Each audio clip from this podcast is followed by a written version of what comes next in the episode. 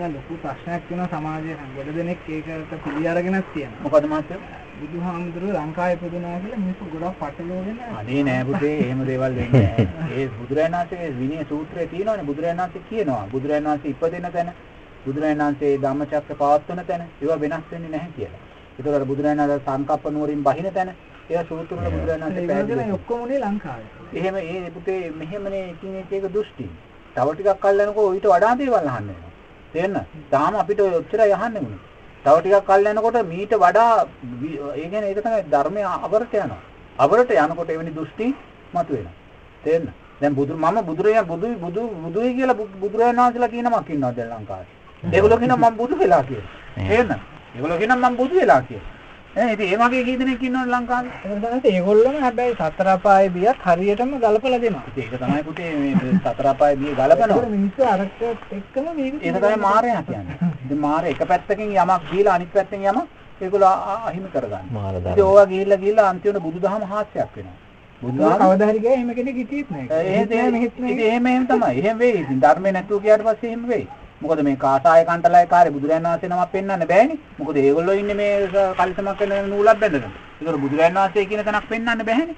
ඒතර එදා ඒගොල්ලෝ එදාට කියන්නේ බුදුරයන් වහන්සේත් මෙහෙම තමයි හිටියේ. නේද? නැතු ඉතින් කියන්න බෑනේ නේද? එහෙනම් වෙන ඉතින් වෙන්න බෑ මොන නැත්නම් ඒගොල්ලන් කලකන්නේ නැහැ.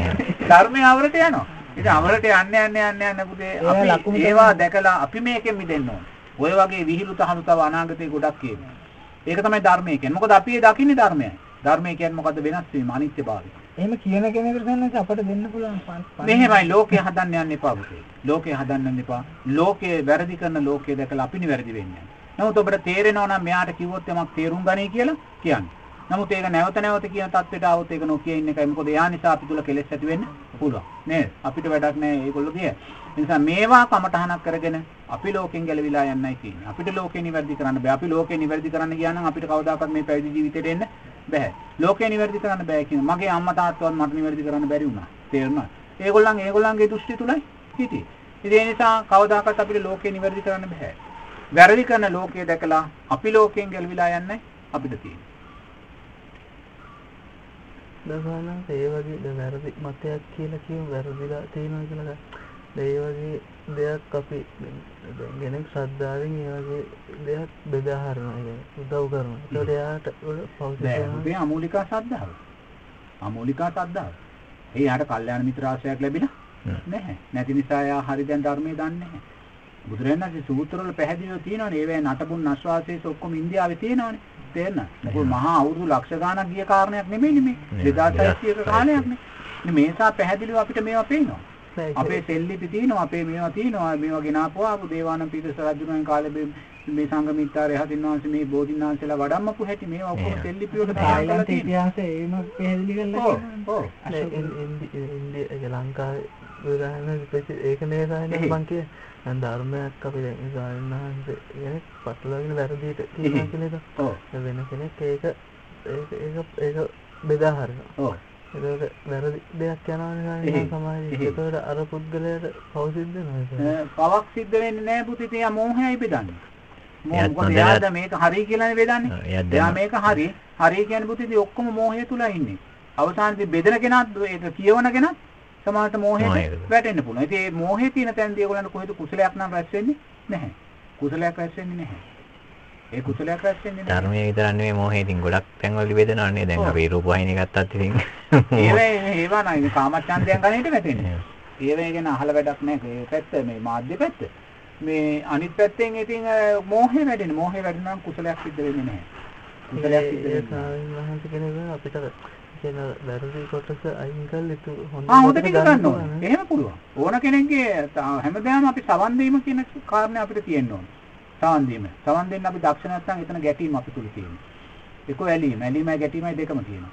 නිසා ඕනම කෙනෙකුට සවන් දෙන්න සවන් දීලා ගතිය යුතු දේ ගන්න නොගතිය දේ අයින් කරන්න. ඒතරයි අපි කරන්න තියෙන්නේ. ඕනම කෙනෙක්ගේ ගතිය යුතු දෙයක් තියෙනවා. නේ. මම ඔය ගිහි කාලේ පල්ලියේ ගිහිල්ලත් වාඩිලා ඉඳලා තියෙනවා. කොච්චිකඩේ පල්ලියේ. පැයක් දෙකක් කොහේ හරි යන්න ගිහිල්ලා වෙලා තින්නා උතන වාඩිලා ඉන්නවා. වාඩිලා ඉඳලා පාදල් කියන දේශනත් ඇහෙනවා. තේරෙනවද? නමුත් ඒ වෙලාවේ වුණත් මම ඒවත් ධර්මයේ තුලටයි ගලපගත්තේ. මම හිතුවා ක්‍රිස්තුස් වහන්සේ කියන්නේ කවදා හරි දවසක බෝධිසත්වයෙක් වෙන්න පුළුවන්. එහෙම අපි ගලපගත්තා. මොකද යහපත් දේ කළා. තේන්න. පිසු ශාන්සෙත් කොහේ හරි ගිහිල්ලා බුදුරයන් වහන්සේගේ ධර්මණේ උප්පත්තියක් ලැබලා ඇති. නේද? ඒ වගේ එතනනුත් ඒවා තුලිනුත් අපි ධර්මයේ පැත්තයි ගලපගන්න. ඒ අන්තයට යන්නේ. මොකද පිසු ශාන්සය කියන්නේ අපි මේ පටිච්චසමුප්පන්නව මේ ලෝකේ ඉපදිලා මැරෙමි. ගිය මේ සාස්තුන් වහන්සේගේ. ඒ නිසා ඒ පැත්තෙන් අපි ගලප ගන්නවා. ඒක අපේ ධර්මයට අනුව අපි ගලප ගන්න බුදුරයන් වහන්සේ. බුදුරයන් වහන්සේ ධර්මයට අනුව උන්වහන්සේ ගිහිල්ලා කොහේ හරි උප්පත්තිය ලැබලා තියෙනවා. උන්වහන්සේ දුකෙන් මිදුනේ නැහැ. අල්සව සෝවාන් ඵලයකටවත් උනේ නැහැ. මොකද සද්ධාව තුල හිටියේ නැති නිසා. ඉතින් ඒවා ඒවා අපි ධර්මානුකූලව කලප ගන්න. සවන් දීම කියන දේ ඕනකට කෙනෙකුට අහුම්කම් දීලා අපි තුල තියෙන්න ඕනේ. මොකද බුදුරජාණන් වහන්සේ කියනවා නිවන් මාර්ගයට අදාළ ගරු ගරු කර යුතු ධර්මතාවයන් හතක් තියෙනවා කියලා. කෙනෙක් නිවන් අවබෝධ කරගන්න ඕනේ නම් එයා ගරු කරන්න ඕනේ ධර්මතාවයන් හතක් තියෙනවා කියනවා. පළවෙනි කාරණේ තමයි එයා බුදුරජාණන් වහන්සේට ගරු කරන්න ඕනේ. දෙවෙනි කාරණේ තමයි එයා ධර්ම රත්නයට ගරු කරන්න ඕනේ. තුන්වෙනි කාරණේ තමයි එයා සංඝ රත්නයට ගරු කරන්න ඕනේ. හතරවෙනි කාරණේ තමයි එයා සීලයට ගරු කරන්න ඕනේ. පස්වෙනි කාරණේ තමයි එයා සමාධියට ගරු කරන්න ඕනේ. හයවෙනි කාරණේ තමයි අප්‍රමාදී භාවයට එයා ගරු කරන්න ඕනේ. හත්වෙනි කාරණේ තමයි ධර්ම සාකච්ඡාවට ගරු කරන්න ඕනේ.